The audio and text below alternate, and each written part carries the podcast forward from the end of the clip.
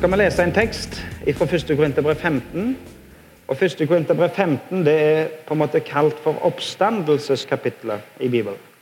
Og nå er det nok så at Jeg kommer nok mest til å tale til de voksne. Nei da, jeg taler til alle. Eh, men det er gjerne, dere syns gjerne det høres ut som det meste er de voksne. Men unger dere må gjøre akkurat som dere Hvis dere vil leke litt, tegne litt, så må dere bare gjøre det. Eller hvis dere klarer å sitte i ro og høre etter, så det er jo kjempeflott. altså. Men, men her har vi det fritt og godt. Eh, vi skal lese fra 1. Korinterbrev 15, vers 3-8. Der står det For først og fremst overgav jeg til dere det jeg selv har tatt imot, at Kristus døde for våre synder etter Skriftene.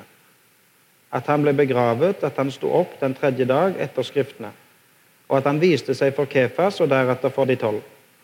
Deretter viste han seg for mer enn 500 søsken på én gang. Av dem lever de fleste ennå, men noen er sovnet inn. Deretter viste han seg for Jakob, og deretter for alle apostlene. Aller sist viste han seg for meg. Paulus skriver til menigheten i Korint. og Han skriver et ganske langt brev. Han har skrevet brev før. Eh, de brevene han har skrevet før, de har ikke med i Bibelen, men vi ser av første Korinterbrev at han sier det som jeg skrev til dere før, og nå skriver jeg igjen, og jeg vil si det en gang til. Eh, så Paulus har hatt en dialog med menigheten i Korint. Og så har han tatt opp mange vanskelige spørsmål. Han har snakket om mange vanskelige ting. Han har snakket om det som vi kaller for etiske spørsmål. Og så nå er han kommet til kapittel 15, og så går han på en måte inn for landing. Og Når, når Paulus da går inn for landing, så vil han si noe hva som var det viktigste han egentlig ville si. Så sier han her i vers 3.: Først og fremst overga jeg til dere. Først og fremst. Det aller viktigste, det jeg, det jeg vil poengtere aller sterkest, det er Hva sier han da? Det er at Kristus døde for våre synder. Vers 4 at han ble begravet, og at han sto opp den tredje dag. At Jesus døde, at han ble begravet, og at han sto opp igjen. Det var det viktigste som Paulus ville formidle til de i Korint. Martha og Maria de hadde en bror. Martha og Maria hadde en bror som het Lasarus. Og Lasarus ble syk. Og når Lasarus ble syk, så sendte de bud på Jesus. Så ropte de på Jesus og sa at 'Lasarus er syk, du må komme og hjelpe oss'. Men Jesus kom ikke. Av en eller annen grunn så kom ikke Jesus. Og Lasarus dør. Og til og med etter at Lasarus er død, så kommer ikke Jesus. Og når Jesus endelig kommer, så har Lasarus ligget i graven i fire dager. Så seint kom Jesus. Lasarus var syk.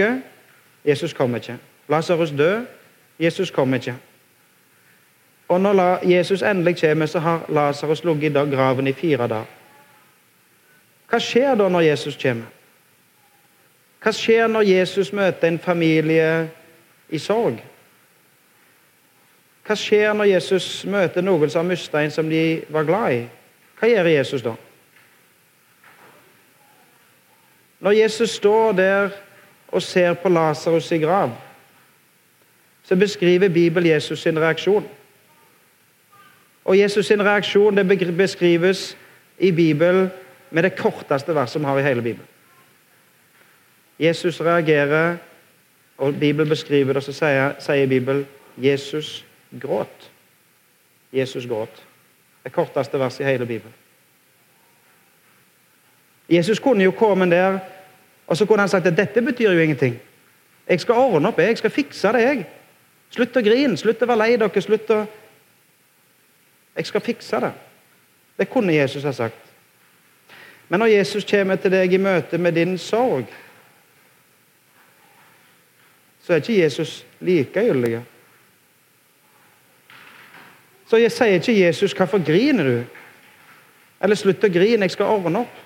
Jeg skal fikse alt til slutt. Dere vet jo at alt går bra til slutt. Slutt å grine, slutt å være lei dere. Men i møte med vonde ting, i møte med sorg, i møte med savn, og når du er fortvila og alt er mørkt, så er Jesus der, og så deler han sorgen med deg.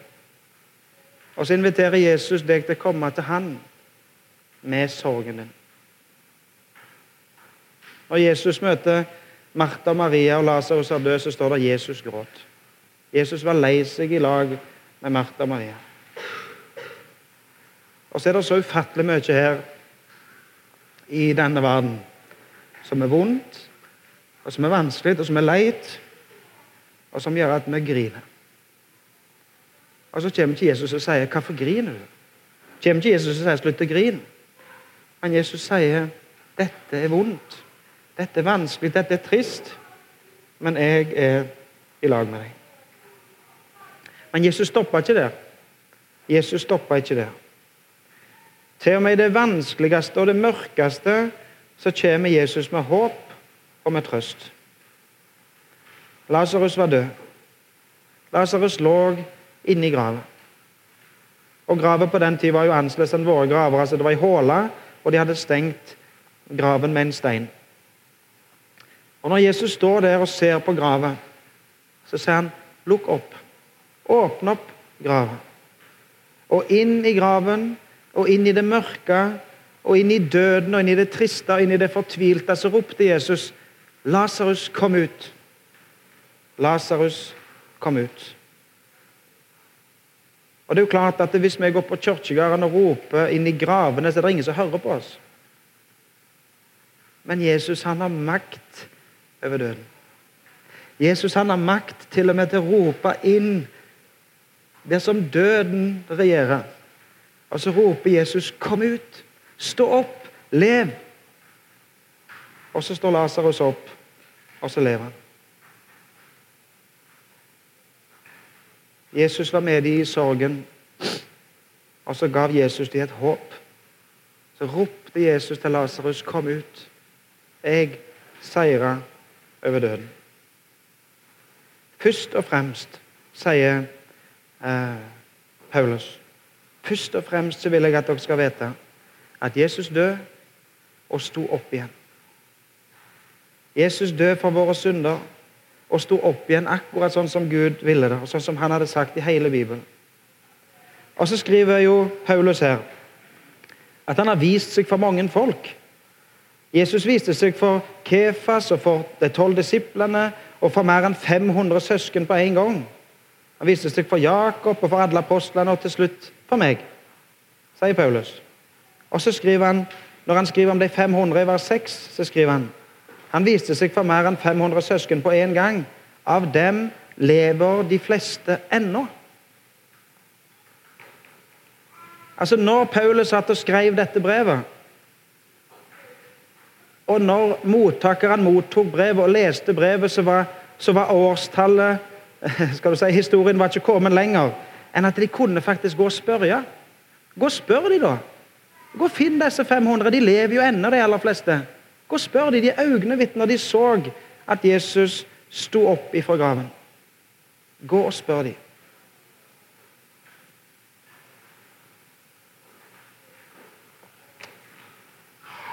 Hvis vi leser litt videre i 1. Korinterbrev 15, så står det f.eks. i vers 13 Hvis de døde ikke står opp, er heller ikke Kristus stått opp. Men er ikke Kristus stått opp, da er vårt budskap tomt, og deres tro er også tom vers 17. Men hvis Kristus ikke har stått opp, da er deres tro uten mening. Vers 19. Hvis vårt håp til Kristus gjelder bare for dette livet, er vi de ynkeligste av alle mennesker. Vi snakket i år om Han som har skapt deg, og Han som har kjøpt deg og betalt for deg, og som har frelst deg. Altså Han har skapt deg, og Han har frelst deg, og Han har makt over døden. Han har all makt.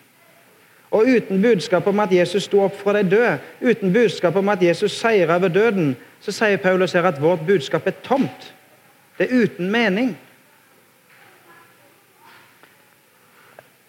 En amerikaner som heter J. Warner Wallace, han har skrevet en bok som heter 'Cold Case Christianity'. Eh, hvis dere ser på sånne detektivfilmer fra Amerika, så snakker de om cold cases. Altså cold cases som er så lenge siden at de, de, de, kan på en måte ikke finne vanlige bevis lenger. De er forelda. Eh, og han, Warner Wallace han var kriminaletterforsker, og han har brukt sine etterforskningsmetoder for å undersøke om det kan stemme, dette med Jesus. Og så har han sett på vitneutsagnene til øyevitnene som er skrevet ned i Matteus, Markus, Lukas og Johannes. Og, mange sier jo at det, det, kan ikke stemme, for de sier jo litt forskjellig, alle mann. Og så sier han her, kriminaletterforskeren sier han, nettopp det beviser at de snakker sant. For Hvis alle fire hadde sagt akkurat det samme, så kan vi jo tenke at de satte seg ned og så hadde de funnet ut vi skal si det og det og det og det, og det, og ingenting mer. Men når de etterforsker en cold case, så finner de at hvis de sier litt forskjellig, men de på en måte utfyller hverandre, da er det sannsynlig at det er sant. Um, hvis, hvis en eller få personer blir enige om å holde en hemmelighet skjult, så kan det hende de klarer det. Altså Til færre de er, til bedre kan de bevare en hemmelighet hvis de blir enige om å, om, om å lyge, f.eks. Uh, men så mange så mange som har vitna om at de levde i lag med Jesus, de så han dø, og de så han sto opp ifra døden. Så mange. En av dem hadde en eller annen gang røpt hemmeligheten hvis de hadde hatt noe å skjule. Og I tillegg så leser vi jo og vet historisk at de ble utsatt for et enormt press. De ble, utsatt, de ble prestet så hardt at de til og med ble martyrer. De døde for sin tro. Og ingen, sier han her, Warner Wallace, hadde klart å holde ut et sånt enormt press uten å røpe hemmeligheten hvis det skulle vært noe skjult. Han var ateist. Han var en eh, devote uh, atheist, sier han om seg selv. Altså, han var en truende ateist, og han, han, hadde bestemt seg for å bevise at dette her må være løgn. Og Så starta han etterforskning, og så fant han ut at dette må jo stemme. Og Så sier han nå er jeg en kristen, og jeg ble en kristen, for jeg fant ut at det kan jo faktisk bevises at Jesus levde og døde og sto opp igjen ifra de døde. Dette er faktisk ikke oppspinn. Dette er faktisk ikke eventyr. Dette er faktisk ikke myter eller løgn. Men dette er Guds frelsende sannhet til en verden i nød. Han har seira over det vanskeligste som vi kan møte. Han har seier over døden.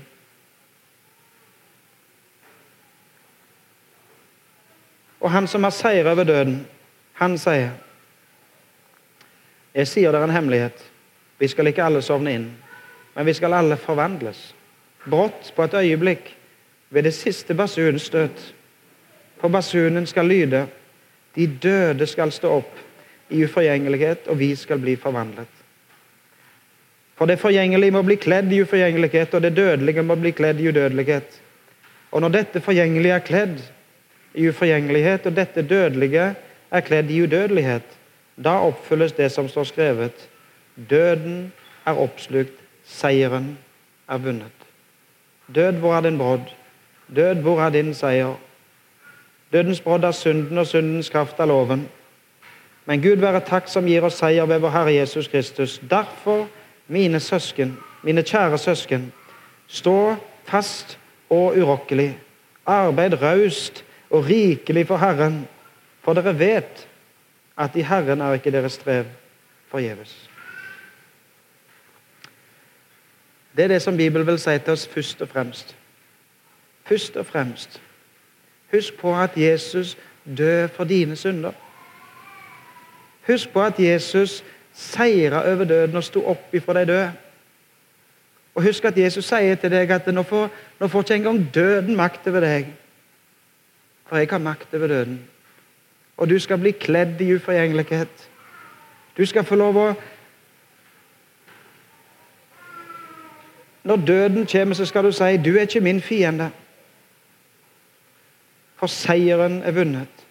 Du skal få lov å leve evig i lag med Jesus. For Jesus har makt. All makt, og til og med makt over døden. Og det er trøstens ord. Det er trøstens ord til deg.